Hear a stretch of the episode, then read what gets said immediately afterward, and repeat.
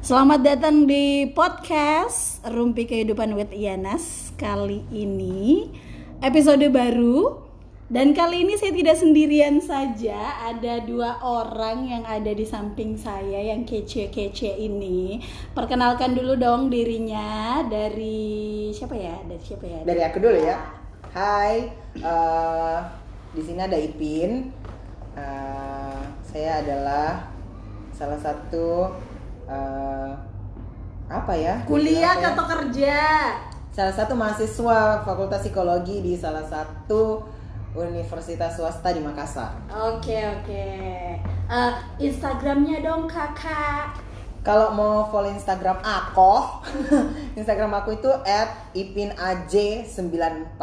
Oke deh Di follow ya. Next hai, aku Aida. Eh, aku tipikal individu yang bisa kalian dapatkan di mana aja. Iya iya iya. Apa itu? Apa itu? Aku extraordinary. Oh gitu. iya iya iya. Biasa oke, aja. Oke oke. Eh, aku salah satu mahasiswa di perguruan tinggi negeri, Fakultas Ah. Psikologi juga di eh, perguruan tinggi negeri di Kota Makassar. Oke. Instagram, Instagramnya Instagram eh, Aida Latif, I-nya 3 kenapa i-nya tiga kakak? karena yang Aida Latif yang I-nya satu udah diambil orang. Oh baiklah, terlalu banyak yang bernama Aida. Oke, di episode kali ini kita akan ngobrol tentang kalau pergi ke psikolog itu gila ndak ya? Wow. Gila nggak ya? Gue gila nggak ya? Gila nggak ya?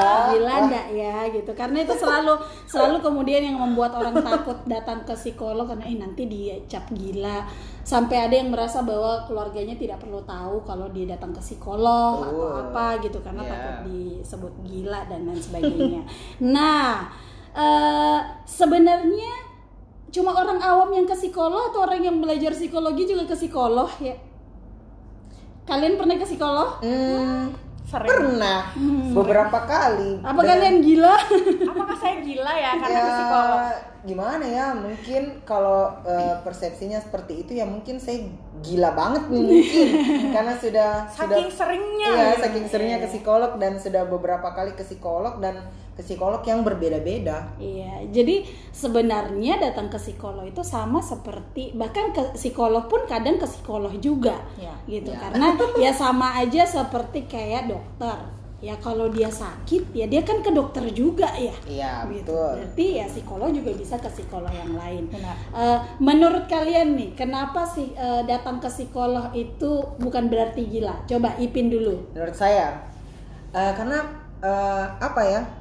Eh, kenapa kita ke psikolog dan ke psikolog itu bukan berarti kita gila karena menurut saya adalah eh, eh, yang pertama kita itu adalah manusia, manusia itu eh, apa makhluk sosial gitu. Jadi eh, Terus pasti ada memang- masalah gitu. Iya pasti ada masalah terus eh, dan dan kita itu tidak bisa menyelesaikan ada ada masalah yang di mana eh, masalah itu tidak bisa kita selesaikan sendiri. Eh, salah satunya adalah masalah dengan diri sendiri. Jadi eh, menurut saya lebih sulit menangani masalah dengan diri sendiri daripada menangani masalah dengan orang lain. Oh iya Ya, iya. iya. misalnya sih. saja, Ya. misalnya saja kita bermasalah dengan teman kita, ya sudah eh, kita bermasalah hari ini, terus kita minta maaf atau teman kita minta maaf, sudah selesai Hmm. masalahnya. Tapi kalau misalnya kita punya masalah dengan diri sendiri, ya gimana ya?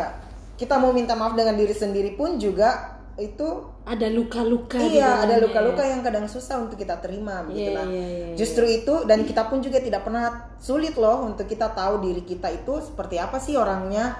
Terus Hmm. eh, luka apa-apa saja sih yang buat buat diri kita itu jadi luka dan buat kita merasa tidak bisa eh, menyelesaikan masalah dengan diri kita sendiri. Nah, justru di situlah kenapa kita butuh orang lain atau apa orang yang yang yang bisa menuntun kita untuk eh, untuk menemukan eh, apa keajaiban-keajaiban yang ada di dalam diri kita. Uh, Jadi keajaiban. ya menurut saya adalah itu adalah hal-hal yang eh, apa ya yang yang ketika kita cerita ke teman yang mungkin tidak tahu dengan eh, apa tidak tidak apa tidak paham dengan sistem itu Mm-mm. ya paling teman kita cuma bilang begini ya udah sabar aja Yes. Ya udah eh, kamu gini aja kok nggak usah nangis ngapain nangis? Udah terima aja. nggak padahal itu. itu tuh nggak segampang itu. Kita tuh eh, apa udah lupain aja. Hello lupain. Lo pikir ini komputer yang bisa diiris begitu? Itu bukan. Yang bisa di delete ya semua betul. Diri kita itu bukan komputer yang ketika kita tidak mau terima ya udah delete udah hilang. gitu nggak Iya, bisa. iya, ini ini ya makanya dari itu kita butuh psikolog nah psikolog di sini ya kita minta tolong kebanyakan juga begini kak saya Hmm. dapat persepsi bahwa uh, iya kita ke psikolog itu psikolog bisa kan kasih kita uh, Saran. solusi Oh, iya, saran iya, oke. dengan masalah kita begitu Jadi berharap eh, pada saat datang itu langsung kayak dikasih ramuan. Oke, Iya. kamu akan bahagia jadi kayak, seumur Jadi kayak ibarat kata kayak eh, eh, ke dukun atau ke apa begitu. Oke. Eh, bim salah bim, ah terlalu Ya. selesai. Misalnya kayak eh, mengatasi masalah tanpa masalah, ya kayak ya eh, jangan sampai gitu. itu uh, tagline tagline Iya. tagline Tagline, sesuatu iya. ya. jadi tagline rumah mak Iya. lain jadi eh, eh, apa? da- tapi menurut saya adalah kita ke psikolog itu enggak kok. Psikolog itu eh, eh, tanpa psikolog kasih saran dan dan ya menurut saya juga kayaknya eh, ke psikolog itu pun juga psikolog itu membantu kita untuk menemukan kira-kira apa sih yang sebenarnya menjadi masalah yang selama ini kita tidak lihat dari diri kita. Oke. Kemudian juga eh, apa? Bagaimana sih kira-kira eh, kita berpikir sendiri kira-kira masalahnya apa? Terus cara untuk menyelesaikannya seperti apa? Hmm. Terus dan bagaimana kita bisa mengelola masalah itu sehingga kita bisa eh, menyelesaikannya. Jadi bukan kayak seperti tiba-tiba datang terus, eh kamu gini aja deh. Eh, oh Oke, kamu gendut. Kamu diet aja gitu biar biar nggak kayak gitu gitu. Iya, kita saya, akan Kak. bahas nanti perasaannya pada saat datang ke psikolog ya. Tapi Iya. coba kita dengarkan dulu sama Aida. Aida. Menurutnya Aida, kenapa sih masyarakat itu berpikir bahwa datang ke psikolog itu gila? Eh, kalau menurut saya sendiri eh, mungkin masyarakat ada labeling begitu Hmm. yang bilang eh, oh kamu ke psikolog berarti kamu gila dong? Hmm. enggak enggak kayak gitu. Maksudku eh, s- contoh kecil eh, sama seperti yang dibilang Kak Ipin eh, saya datang ke psikolog itu untuk mengenal diri saya sendiri Iya. artinya ada sesuatu dalam diri saya yang sebenarnya itu saya belum mengenal Hmm. bukan karena eh, eh, bukan karena apa tapi karena saya belum paham itu apa Hmm. Terus orang kadang berpikir Iya, bahwa dia bahwa- sudah paling mengenal dirinya. Iya gitu. benar. Saya diri, diri saya saya- diri saya sendiri pun kadang masih perlu uh, butuh seseorang untuk mencerahkan. Mm-mm, I mean, enlightening me to uh, find what is it begitu. Iya, iya, iya, iya. Kayak uh, saya datang ke psikolog, saya punya bukan masalah sih sebenarnya. Saya punya misalkan saya punya sifat seperti ini. Terus uh, saya nanya, kok sifat saya seperti ini? Mm-mm. psikolog ini berperan yang kayak oh sifat kamu seperti ini karena kamu punya uh, kepribadian seperti ini jadi yang menjelaskan dinamika kepribadianku itu psikolog karena mereka ngerti tentang hal yang hal-hal seperti itu Karena sudah belajar Iya, soal itu. mereka ya. punya ilmunya, bukan Iya. ilmu, mereka punya pengetahuannya untuk bagaimana uh, menjelaskan dinamikanya kepribadiannya kita, bukan bukan cuman karena bermasalah atau uh, cuman karena misalkan uh, nangis dikit terus ke psikolog dianggap gila, Mm-mm. enggak, enggak kayak gitu. Tapi ada reason di balik itu. Iya. Why? Why I am like this Oke gitu. oke. Mungkin karena dibilangnya psikolog itu adalah yang mengurusi jiwa, jadi Hmm. dipikir yang mengurusi orang di rumah sakit Ya, jiwa balik lagi dalam artian orang gila Iya gitu benar. ya. Balik lagi tuh kak, maksudku setiap manusia punya jiwa. Yes. It means psikolog yang menangani bagian jiwa. Mm-mm. Sama kayak setiap Iya. orang punya tubuh. Iya. Jadi yang mengurus tubuh kalau sakit adalah Nah, dokter. Ya gitu seperti itu juga psikolog. Kalau misalkan kamu merasa there's something in your soul, there's something in your mind, and you cannot let it go or, or let it out, Mm-mm. spoken it out, Mm-mm. come to psychologist begitu ya. Hmm, ya ya ya ya. Nah, menariknya di sini adalah kadang nih gini. Eh, ini kita akan lebih sharing soal apa yang kalian rasakan ketika datang ke psikolog. Karena selalu gini, saya selalu ditanyakan begini. Oh, kalau datang di psikolog itu cuma cerita-cerita ya? Nah, Oh, Oh itu God, sering dia nggak tahu aja. Oke. Jadi Oh kayak God. ah cuma cerita-cerita dua jam atau misalnya cuma cerita-cerita satu jam terus ya ada ada orang yang pernah bilang ya kalau kalau mau cerita cerita sama orang eh, sama teman sebelah juga bisa Iya. nah, ada yang berpikir begitu cuma cerita cerita gitu padahal eh, mungkin ya ya mungkin terkesannya kelihatannya dari luar nah ini nanti kalian yang sharing tentang apa yang kalian rasakan ketika Siap. ngobrol ya Siap. tapi sebenarnya gini kalau dari sudut pandang kita ya ketika memang kelihatannya kayak cerita-cerita saja gitu cuma eh, saya suka eh, ada ada yang pernah bilang sama saya eh, dan ini menurut saya sangat menarik. Psikolog ketika berbicara kata-katanya dipilih. Ketika dia menyampaikan ekspresi itu dipilih. Ketika dia menunjukkan emosi itu dipilih. Karena kata-kata yang dipilih bersifat terapeutik eh, emosi yang dipilih juga bersifat terapeutik kemudian eh, apa ya gerakan bahkan gerakan tubuh pun yang ditunjukkan ke klien itu pun juga bersifat terapeutik gitu. Jadi ya kita tidak cuma bicara hei gimana keadaanmu Nggak dan sembarang sebagainya. gitu tidak ya. tidak tidak seperti itu gitu. Jadi kata-katanya tuh disusun semuanya diatur karena kita menjadikan kat- kata-kata kita ekspresi kita dan gerakan kita jadi obat dalam tanda kutip. Itu yang yang bersifat terapi untuk klien. Makanya kalau orang lain melihat kesannya oh cuma ngobrol-ngobrol. Ya sama orang lain juga bisa ngobrol-ngobrol. Nah sekarang coba. Kalian kan sudah pernah nih sudah pernah datang ke Iya. psikolog. Iya coba. betul betul. pertama kali apa yang kalian ekspektasikan? Kan maksudnya gini walaupun kita belajar psikolog kan kita tidak tahu ya pada saat kita datang ke psikolog rasanya seperti apa. Coba kalian ceritakan apa yang kalian rasakan ekspektasi pertama akan datang ke psikolog akan diapai dan setelah mengalami prosesnya gimana dan afternya tuh rasanya apa apa yang kalian temukan oh ternyata ini tidak sekedar bicara-bicara saja gitu siapa yang mau duluan ini Aku, Oke, aku, Aida, Aida. Aida. Oke. Ladies Eh, first. Jadi awalnya saya datang ke psikolog itu feelingnya kayak nervous. Oke. Saya mau diapain nih, gila. Eh, mungkin saya bakalan dijampi-jampi. kan orang awam kan Iya, saya iya, dulu iya, iya, sebelum benar, jadi mahasiswa psikologi eh, orang awam. Ya.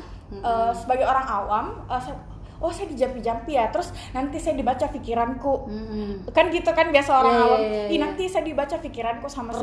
psikologi iya ramal dikata kita sihir apa Oke oke oke. oke. terus eh, gitu eh, pas datang eh, datang terus sampai ketemu sama psikolognya mereka ramah Mm-mm.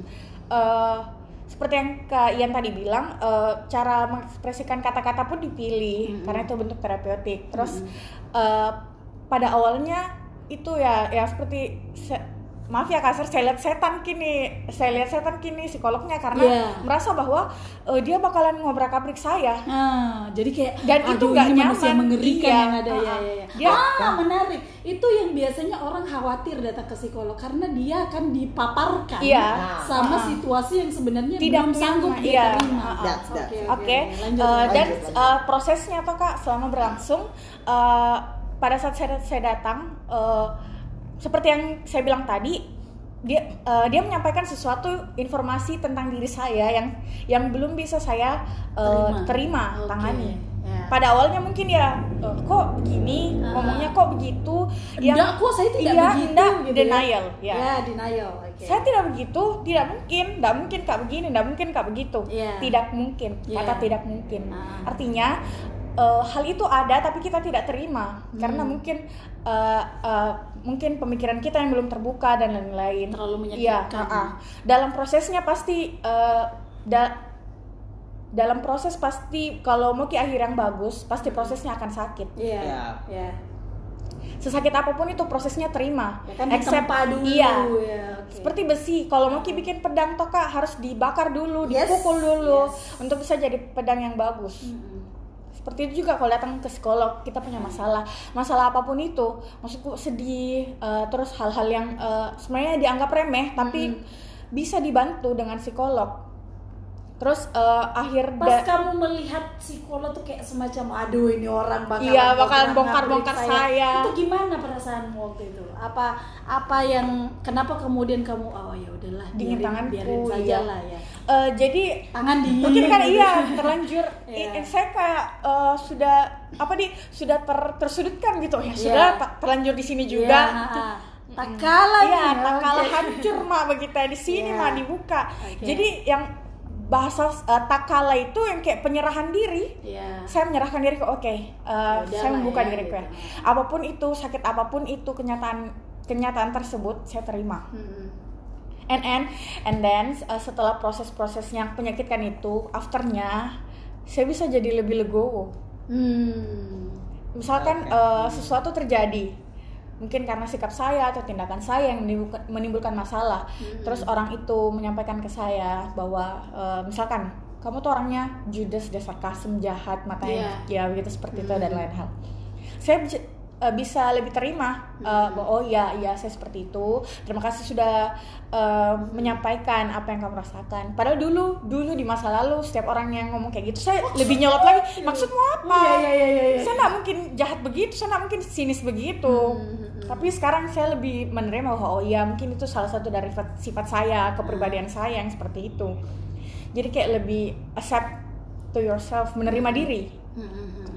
Oke. Nah, kalau dari Ipin, gimana pengalamannya waktu itu kamu datang sebelumnya? Waktu itu gimana perasaannya dulu pada saat di obrak-abrik istilahnya? Aida Iya. sudah di obrak-abrik apa yang dirasa dan afternya gimana? Ya, ini sebenarnya saya tadi dari tadi saya sudah mau banget ngomong.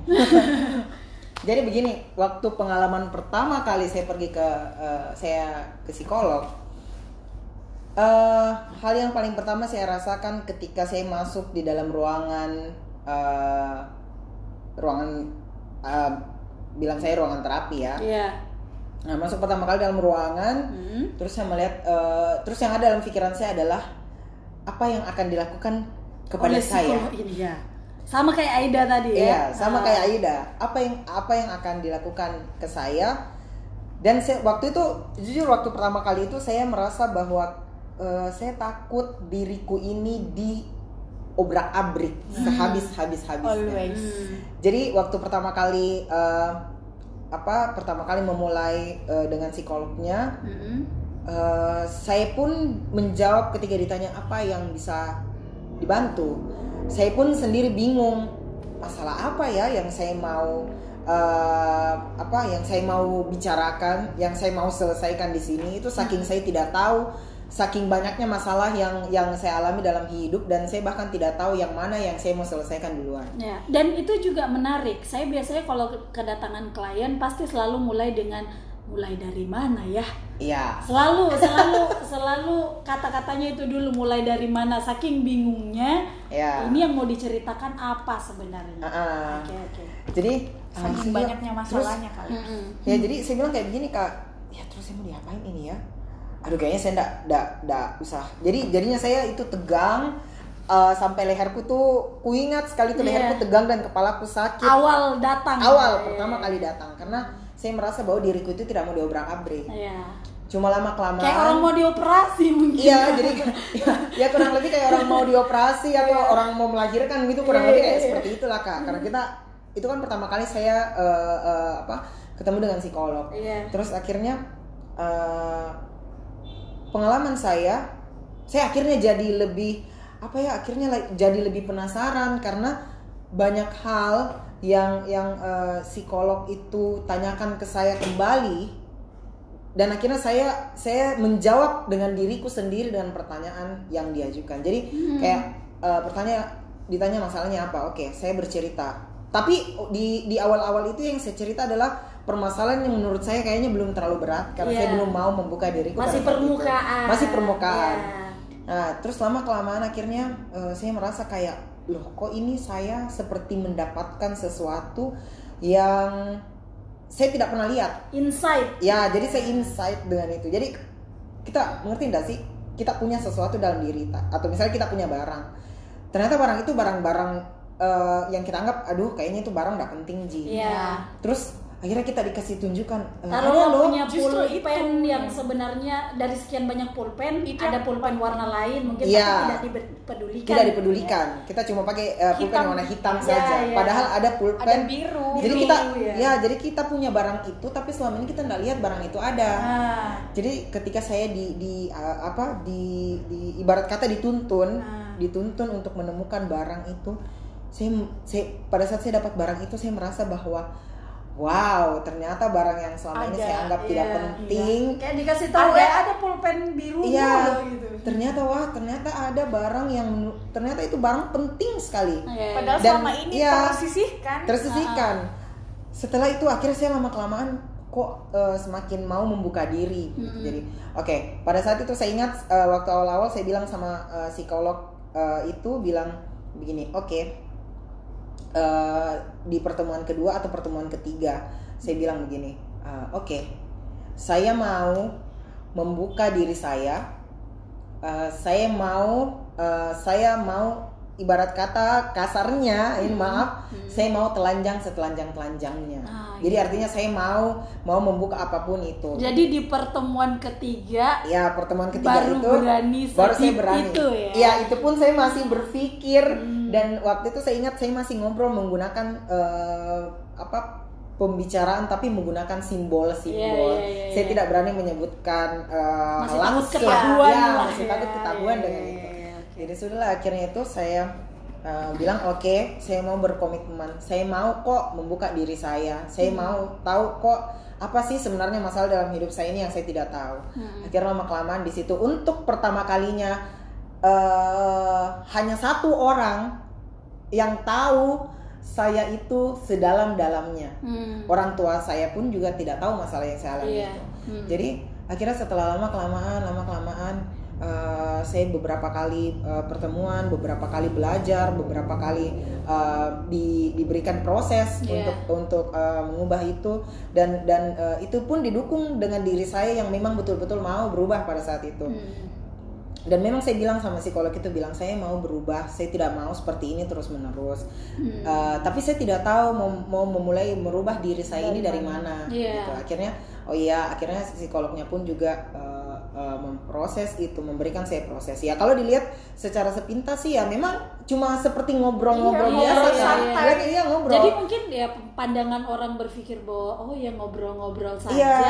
karena dia belum merasa belum ngobrolnya merasakan. Jadi, gimana. jadi Belum pengalaman merasa pertama poin berat itu. Iya pengalaman ya. pertama saya itu jadi eh, saya juga merasa kayak loh kok ini kayak cuma ngobrol tapi kok eh, saya menemukan Enak sesuatu ya. yang ajaib begitu Iya. yang ajaib di diri saya wah ternyata ada loh yang kayak gini-gini Cerahkan gitu. Iya. wah Ipin ternyata kamu tuh eh, kayak gini ternyata inti masalah kamu yang selama ini kamu pusingkan itu adalah ini Iya. hal yang hanya sepele Nah, Nah akhirnya setelah itu, setelah saya di- diberikan pandangan baru, pemikiran baru, akhirnya saya dibuat diberikan tugas, diberikan eh, tugas dan kemudian pertemuan selanjutnya dievaluasi. hmm. Kemudian akhirnya saya merubahlah diri saya.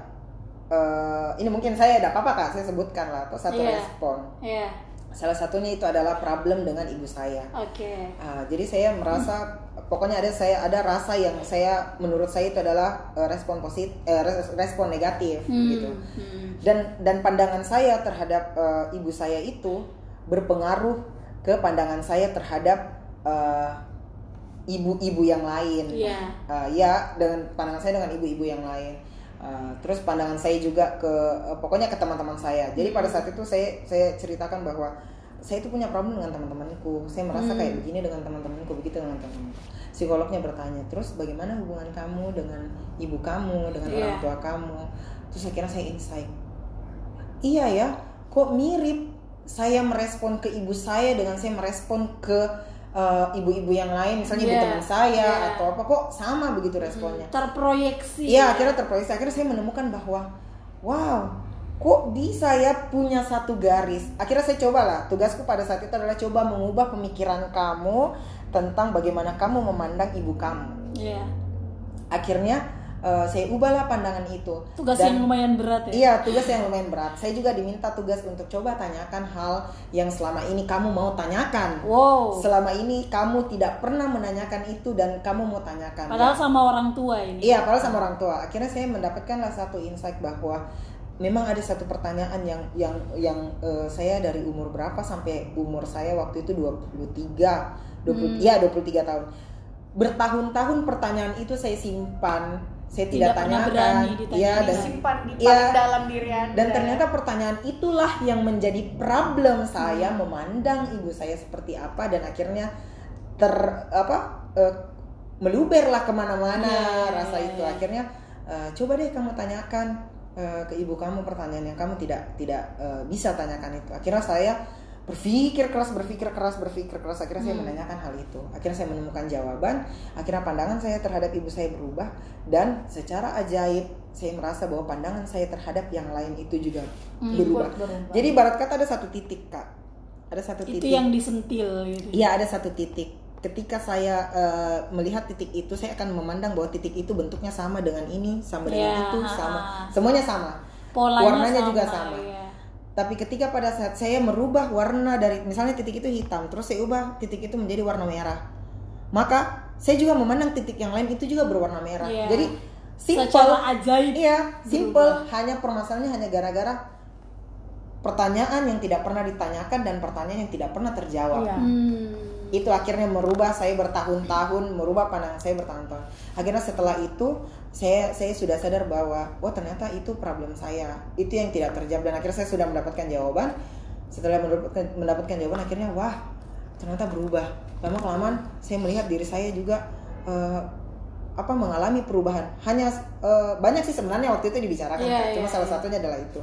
Jadi akhirnya lama kelamaan membuat saya merasa bahwa diri saya itu ada sesuatu yang berubah. Hmm. begitu dari Ipin yang kemarin-kemarin menjadi Ipin yang sekarang gitu Iya. dan itu pun memang saya akui tidak mudah Mm-mm. nah kita ketemu dengan psikolog pun itu kita berproses itu pun tidak mudah kak apalagi Iya. kita mau mencoba untuk menyelesaikan diri sendiri Yes, dengan iya. diri kita Berat sendiri mau mencoba eh, eh, meminta bantuan dari teman kita yang Iya. mungkin ya eh, keilmuannya atau pengetahuannya tidak sepengetahuan yang dimiliki oleh psikolog kan saat berproses sendiri butuh taruhlah butuh waktu satu Iya. bulan nah kalau ke psikolog Mungkin dipersingkat seminggu, ya Iya, dipersingkat seminggu gitu. jadi kita bisa bisa lebih tahu di dalam diri kita ya memang kalau orang lihat itu abstrak gitu abstrak ya tidak berbentuk tidak Iya, dilihat tapi iya. itu ada Tapi Gitu. psikolog lihat itu sebagai salah satu bentuk seni Iya, untuk betul. kau terima bahwa itu seni Ah. dalam dirimu. Mm-mm. betul jadi eh, setelah itu saya akhirnya berubah makin kelamaan makin kelamaan saya merasa kayak eh, kok ada yang lain ya dari Ipin kok Ipin sekarang itu eh, secara ajaib merasa kok saya Iya, berubah ya? jadi saya merasa Magically. jadi saya merasa secara ajaib. Loh kok bisa ya? Hanya mengubah satu titik hanya meminta satu jawaban yang Hanya, bertahun-tahun saya tanda simpan. Kutip. hanya tanda kutip meminta jawaban yang bertahun-tahun saya simpan akhirnya eh, terjawab. Akhirnya itu bisa merubah saya eh, ya lumayan besar gitu. Hmm. itu ke psikolog pertama. Dan akhirnya dipikir psikolognya kayaknya jangan-jangan dukun itu iya jadi itulah yang biasa orang berpikir bahwa psikolog itu Bisa magic. diriku. magic bisa membaca pikiran orang. Sampai saya pernah ada pertanyaan begini loh kak dari temanku. Oh anak psikologi ya? Iya. Oh Baca- berarti kok itu bisa baca pikiran orang? Iya. Jadi saya jawabnya seperti ini. Iya tapi kayaknya pikiranmu buruk jadi saya tidak bisa baca. Begitu padahal jadi saya jelaskan sering ketika saya dapat pertanyaan itu saya sering kadang bilang sama temanku begini tidak segampang itu bisa kita membaca pikiran orang sama Iya. seperti kita membaca tulisan orang. Iya. itu butuh proses ada beberapa dan proses. magicnya pun di dalam terapi pun itu adalah proses itu adalah proses ya betul. Yang saya rasakan eh, eh, keajaiban yang saya rasakan di hidup saya itu kak itu betul-betul melalui proses yang yang tidak sebentar prosesnya. Eh, Dan sakit, tidak ya, sebentar sakit. dan saya sakit. tidak saya tidak bisa terima. Pada saat itu pun ketika saya mau me- me- me- apa membongkar diri saya yang paling dalam sekali itu pun saya bilang begini sama psikolog saya saya sebenarnya malu loh cerita ini. Oke. Eh, eh, saya saya saya sebenarnya tidak pernah menceritakan ini Hmm. sama siapa pun hanya saya dan Tuhan yang tahu Iya. tapi eh, karena saya sudah bertekad untuk ya memang saya betul-betul mau Menyelesaikan mau itu. menyelesaikan Iya. ini dan mau tahu kira-kira kenapa saya seperti itu akhirnya saya maulah mentransparankan diriku Hmm. Uh, jadi akhirnya saya ceritalah itu masalahku dan akhirnya itulah yang membawa saya uh, berubah sampai sekarang. Akhirnya sekarang ketika saya mengalami satu problem, saya bisa tahu, oh sepertinya problemku ini karena ini deh jadi akhirnya saya jauh lebih tahu diriku oh Hmm. ketika saya mengalami ini kira-kira apa ya yang buat Bisa saya saya lakukan. seperti itu apa ya yang harus saya lakukan ketika saya merasa seperti itu begitu Hmm. jadi saya saya mengalami perubahan yang cukup drastis Iya. dalam hidup saya ketika saya setelah dari psikolog yang pertama Yang menarik kemudian yang selalu ditanyakan itu adalah berapa lama. Nah, ya ini adalah pertanyaan yang sering orang How long? tanyakan juga. Saya nanti sembuhnya kira-kira berapa lama? oh gitu selalu ya pertanyaan itu yang keluar berapa lama Eh, karena karena mungkin pernah mendengar bahwa oh ada yang sampai ditangani bertahun-tahun ada yang eh cuma berapa kali pertemuan bisa selesai Iya. gitu nah kalian menurut kalian durasi itu ditentukan oleh apa Aida Oke. Durasi ya. Dari seperti yang eh, berapa lama orang bisa Nah, sembuh dalam dari tanda kutip? cerita yang tadi saya dan Kak Ipin lihat kan perbedaannya. Iya. Eh, saya mungkin agak cepat, Kak Ipin mungkin agak butuh waktu yang lama beberapa Hmm. kali pertemuan. Nah itu dari kemauannya orang, Iya. masing-masing individu. Eh, ketika saya datang ke psikolog pertama kali, saya menyerahkan diri saya. Tak kalah Mi di sini. Mak. iya Ah, Saya sudah menyerahkan, oke, eh, do whatever you want to do to me, Iya. gitu. Lakukan apa yang mau kau mau pada saya, lakukan memang mi. Iya. Saya menyerahkan diri saya untuk kau cerahkan. Iya. Dan itu, eh, alhamdulillah, mungkin karena saya menyerahkan diri saya dan saya punya kemauan yang kuat untuk eh, memahami diri saya sendiri. Mm-mm.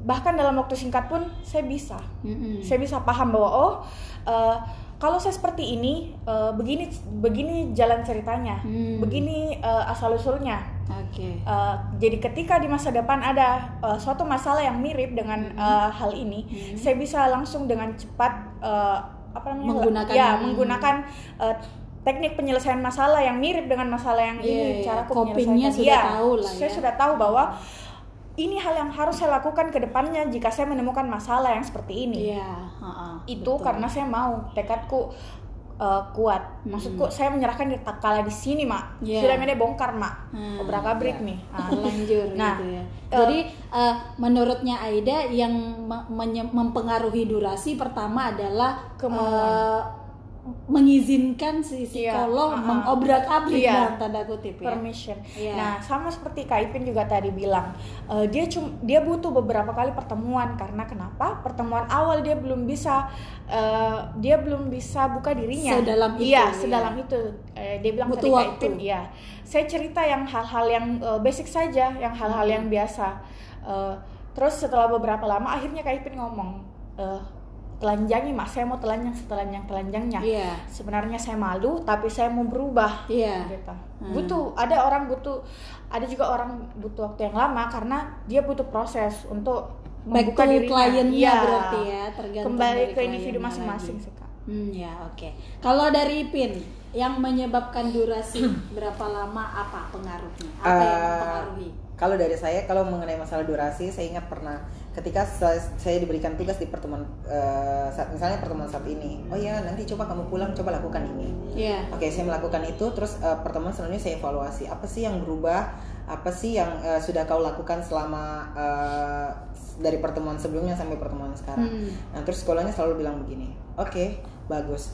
Eh, kalau kamu konsi- konsisten dengan dengan hal seperti itu, dengan caramu cara pandang barumu ini, Hmm. maka kamu akan akan semakin eh, apa eh, baik begitu, Iya. akan semakin lebih eh, ada ada perubahan yang yang eh, besar Mm-mm. yang akan kamu alami. Nah, itu juga kak eh, konsistensinya kita sebagai klien. Hmm. Yang pertama dia bilang Aida tadi tuh sudah Iya. sudah saya setuju juga. Iya. Eh, apa yang pertama? Jadi kalau Aida kemauan. bilang kemauan di di di diproses Iya. sama ter back to kliennya, Iya. kalau Ipin merasa bahwa itu juga balik lagi ke konsistensi Iya. si klien melakukan komitmen Ah, lah ya. Jadi kayak kayak Aida bilang tadi kan yang tergantung dari kliennya, kemauan kliennya, eh, bisa mungkin dibilang keikhlasan kliennya Iya, iya. untuk untuk di, di Obrak-abrik. obrak-abrik. bongkar Eh, bongkar dan dan ya itu itu salah sa- yang saya tambahkan adalah ya konsistensinya kita gitu Hmm. ketika kita memang sudah sudah ya namanya juga berubah eh, berubah butuh proses kan kak Iya, iya. Eh, dan proses itu pun juga tidak langsung tiba-tiba eh tada langsung Voila. jadi iya soalnya kita makan indomie aja tuh yang jelas-jelas tulisannya mie instan tapi nggak Mie instan itu juga.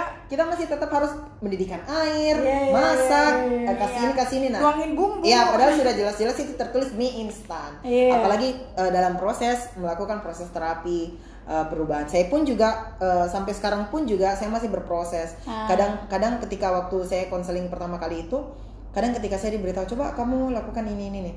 Cuma kadang ketika saya pulang, kadang saya bilang begini, aduh kayaknya saya nggak bisa lakukan deh. Cuma selalu ada yang yang Aida bilang tadi ada kemauan Hmm. untuk berubah. Akhirnya kemauan itulah yang bilang bahwa kamu tuh mau berubah, kamu Iya. tuh harus lakukan tugasmu itu. Coba. Jadi saya pernah melakukan tugasku itu rutin kak. Jadi jadi saya lakukan terus menerus Hmm. tugas yang diberikan itu. Uh, saya mengubah sudut pandang. Tapi ada ada satu kali saya pernah tidak konsisten dengan itu. Iya. Akhirnya saya tidak konsisten. Terus saya bilang gini, kok saya merasa diriku kayak kembali lagi ya kayak kemarin Hmm. akhirnya saya untung eh, eh, ketemu di pertemuan selanjutnya terus saya evaluasi lagi terus dia bilang lagi iya memang ketika kita tidak konsisten dengan itu kita tidak konsisten dengan apa yang kita mau rubah Hmm. eh, itu bakalan ya namanya berubah bakalan naik dan turun naik dan turun tergantung dari daya juangnya kita apakah kita memang betul-betul mau berubah Hmm. atau tidak apakah kita konsisten atau tidak ya namanya kita ketemu dengan psikolog hanya di di, di ruang terapi kan kak Hmm. di luar daripada itu kan kita nggak ketemu dengan psikolog Iya. psikolog pun juga itu tidak Dan tidak masih ada hidup-hidup yang Iya, lain. psikolog pun Iya. juga itu tidak bisa mengawasi kita. Jadi tergantung dari kitanya sendiri sebagai klien apakah kita memang mau berubah, ya kita harus konsisten dengan dengan apa yang sudah diberikan karena Iya, tugas yang diberikan pun juga itu adalah salah satu bagian dari proses Hmm. eh, terapinya kita. Iya iya iya. Jadi kalau diambil kesimpulan tadi ada dari penerimaan kita, keikhlasan kita untuk diproses, Ya. kemudian eh, kemauan kita melakukan eh, komitmen kita melakukan proses terapi gitu ya, baik dengan tugas-tugas yang diberikan atau Iya. apa gitu.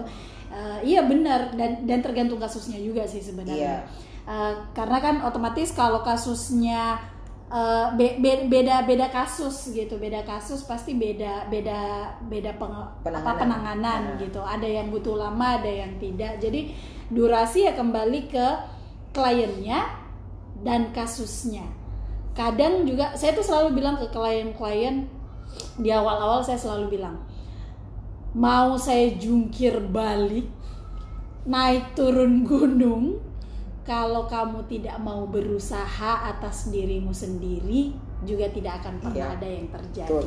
gitu karena maksudnya gini em, ya maksudnya lagi-lagi kita tuh bukan bukan orang yang tukang memahat batu gitu ya Iya. ibaratnya batunya tinggal diam duduk terus kemudian kita pahat Bentuk, ah, ah. dan kita yang bentuk bukan seperti itu gitu tapi sebenarnya ya manusia justru sebenarnya kalau orang datang bilang bahwa oh iya saya mau ke psikolog karena saya mau cari solusi gitu Eh, malah tugas berat kami adalah bagaimana caranya solusi itu keluar langsung dari si klien itu sendiri Iya.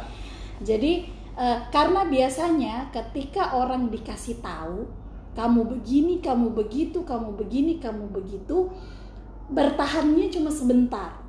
Tapi ketika orang itu sendiri yang menemukan, oh, tapi kan otomatis sudah diproses sebelumnya kan, Iya. sudah diproses sebelumnya, akhirnya di- jadi kita bantu mengarahkan dia sampai di tujuannya. Jadi pada saat dia, oh iya berarti nanti kalau saya mau saya begini begini begini kayak tadi yang Aida bilang, oh nanti kalau ke depannya saya menghadapi, ya namanya hidup ya, kita pasti akan menghadapi naik turunnya lagi. Ya kita tahu begitu bahwa oh pada saat begini saya harus begini gitu. Pada saat menghadapi gempuran dari kiri saya harus gaya apa ya? Oh kalau dari kanan saya harus Manuver gaya apa, ya? apa? Manuver apa yang harus saya lakukan? Dan itu menarik ketika itu ditemukan langsung oleh si klien karena dia akan eh, itu akan jauh lebih melekat di apa ya kepala dan hatinya dia gitu Hmm. bahwa cara mengatasi masalah tuh seperti itu ketimbang dinasehati oh iya kamu harus begini Begitu, kamu harus begini lupakan dan nih. iya itu itu menasehat-nasehat seperti itu ya lumayan juga gitu nah di ending karena kita udah 38 menit ternyata my oh, kasihkan Curcol. Eh, diskusi yang sangat Kasihkan. menarik. Ya. Terakhir, kira-kira apa yang kalian dapatkan setelah diproses dan apa yang ingin kalian sampaikan ke orang-orang yang mendengarkan podcast ini? Aida. eh, saya bisa menjadi diri saya sendiri Hmm. apa pun itu saya menerima baik buruk saya saya terima Mm-mm. eh, apa pun itu dan alhamdulillah setelah maksudnya setelah proses tempahan itu toh kak eh, saya bisa tahu apa yang harus saya lakukan ke depannya Oke, apa yang mau kamu sampaikan ke pendengar podcast episode kali ini? jadi eh, da- dari kasus saya saya eh, penemuan identitas diri ya jadi Iya.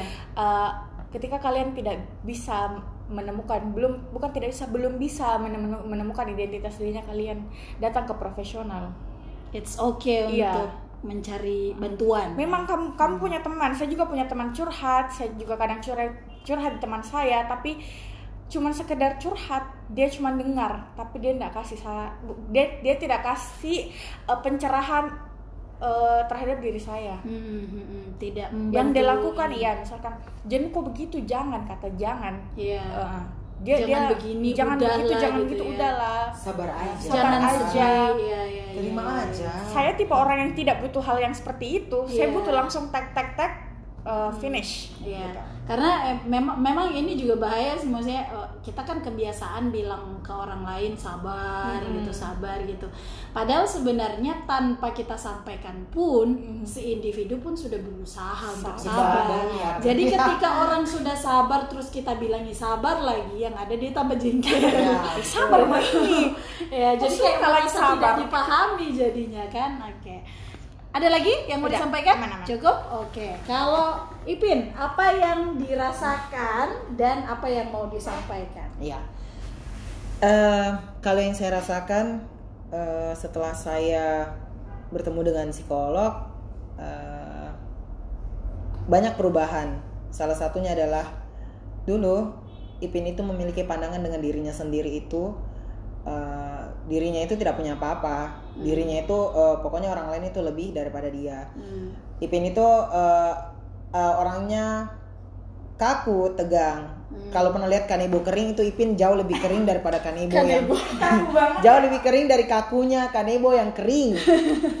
ya jadi ya seperti itu. Saya saya eh, saya ketika ketemu dengan orang juga saya merasa diri saya ini minder. Saya ngomong dengan orang-orang orang-orang misalnya jauh lebih apa eh, punya power yang lebih kuat daripada saya itu saya merasa kayak saya itu ciut kecil begitu karena saya pada saat itu belum tahu eh, apa sih potensi yang saya punya apa sih Ipin itu seperti apa sih orangnya saya tidak bisa terima diriku eh, apa karena saya merasa bahwa diriku itu buruk dan saya tidak bisa terima itu Hmm. dan saya tidak tahu kenapa itu bisa terjadi. Saya tidak paham dengan diriku, saya tidak tahu apa eh, apa yang menjadi masalah buat saya. Tapi ketika ketika saya sudah ketemu dengan psikolog, saya mendapatkan eh, apa mendapatkan eh, apa saya insight dengan diriku sendiri. Akhirnya sekarang eh, ya walaupun sekarang pun saya masih berproses, berproses dengan itu. Tapi eh, hal yang besar yang saya sudah sudah ini sudah rasakan adalah saya bisa jauh lebih eh, sosial saya itu saya bersosialisasi dengan orang lain pun itu sudah tidak sekaku Kanebo kanebo kering. yang kemarin itu begitu. Oke. Saya jauh lebih bisa eh, bisa berkomunikasi dengan orang, bisa jauh lebih eh, apa ya? Bisa jauh lebih cepat eh, berinteraksi atau menyesuaikan diri dengan lingkungan, bisa juga lebih eh, apa pengalaman yang sudah saya dapatkan selama saya eh, konseling itu bisa saya gunakan untuk untuk apa untuk memberikan mungkin eh, apa inspirasi kepada orang-orang mungkin eh, apa begini loh ada loh hal yang seperti ini seperti ini gitu. Jadi kayak lebih apa ya susah begitu saya ungkapkan dengan kata-kata karena eh, perubahan yang saya alami itu jauh lebih besar saya Iya. lebih pede begitu dengan orang sekarang lebih lebih lebih apa dulu ketika saya di depan orang lain tuh lebih duluan keringat dinginku keluar daripada ngomong depan orang Ah. sekarang itu jauh lebih lebih bisa saya kendalikan jadi lebih bisa paham dengan diri sendiri kak apa yang saya Hmm. mau apa yang, yang saya harus lakukan ketika datang masalah apa yang harus saya lakukan dan seperti apa saya bersikap apa yang Ipin mau sampaikan ke pendengar podcast episode kali Eh, yang saya mau sampaikan kepada pendengar adalah ketika kamu melihat eh, eh, ketika diri kamu atau kamu melihat orang di sekitarmu atau misalnya teman dekat kamu mungkin eh, apa membutuhkan eh, apa membutuhkan layanan psikolog itu jangan ragu-ragu untuk untuk eh, mencari bantuan itu Hmm. karena eh, apa hilangkanlah persepsi bahwa ketika kita ke psikolog itu kita gila. Iya. itu tidak ada. Sehat mental penting ya. Iya, sehat mental itu penting ya. Ya ke- kalau misalnya masih mempersepsikan seperti itu ya mungkin saya adalah orang yang sama seperti yang saya bilang pada saat awal mungkin saya adalah orang yang paling gila segila-gilanya. Karena saya sudah beberapa kali pergi. Itu itu salah persepsi seperti itu bahwa ketika kita ke psikolog ya kita gila. Tidak. Kita ke psikolog itu kita meminta pertolongan eh, untuk untuk apa untuk mem- Dibantu. ya dibantu untuk memperbaiki diri kita begitu jadi eh, carilah eh, tenaga profesional segeralah ketika melihat teman kamu sepertinya kamu merasa bahwa dia membutuhkan segeralah datang jangan ragu-ragu kamu tidak usah malu untuk pergi ke psikolog eh, karena ke psikolog itu bukan berarti kita gila Hmm. Karena sebanyak apa pun uang kita, kalau kita nggak bahagia, tidak ada Ya, gunanya gitu ya. betul Jadi eh, apa ya sehat mental itu memang penting gitu. Karena itu akan mempengaruhi kondisi fisik juga gitu. Karena banyak orang yang akhirnya ketika dia mengalami eh, sakit secara mental fisiknya juga terganggu Iya. gitu. Jadi em, ya memang memang kemudian ini yang masih masih perlu banyak untuk dipahamkan ke masyarakat sih. Karena stigma bahwa datang ke psikolog itu gila itu masih masih banyak di masyarakat. Iya. Jadi itu tugas kita memang untuk melakukan Mm-mm. edukasi bahwa no, kamu tidak gila. Kamu Iya. hanya butuh orang untuk mendengarkan kamu dan membantu kamu mengarahkan hidupmu gitu ya. itu juga kak saya tambahkan Hmm. itu juga sering kali saya dapatkan ketika saya ke mana ke mana ke mana begitu eh, seperti contoh pernah ada kegiatan di Jalan Sudirman di Hmm. Car Free Day waktu itu ada kegiatan terus saya bawa papan papan tentang eh, slogan tentang kesehatan mental Iya. terus kan ada satu yang bikin saya tertarik ada satu orang yang bilang gini kak orang psikologi ya ini bawa ini temanku dia gila Iya. Dia bilang gitu dan itu bukan cuma satu dua eh, bukan cuma satu dua kali saya dapatkan orang bilang bahwa oh nah psikologi ya berarti kamu eh, kerja sama orang gila dong Hmm. gitu padahal enggak psikologi itu bukan eh, bekerja dengan orang gila atau misalnya kita ke psikolog bukan berarti harus gila dulu baru ke psikolog Iya. tidak Oke. itu oke. saja Mm-mm. Terima kasih dua dua dua dua teman saya yang akhirnya menemani Rumpi kali ini Ya. karena ya podcast podcast sebelumnya saya cuma sendiri ya kali ini. semoga bermanfaat Iya, semoga bermanfaat dari perbincangan kita yang kayaknya sudah menjelang satu jam ini. Eh, ada ada manfaat yang bisa diambil, ada hal-hal yang bisa dipelajari dari sharing-sharing hari ini bersama Aida dan Ipin. Sampai jumpa di podcast Bye. Rumpi Kehidupan minggu depan atau ah, mungkin pokoknya episode selanjutnya. bye bye Dadah.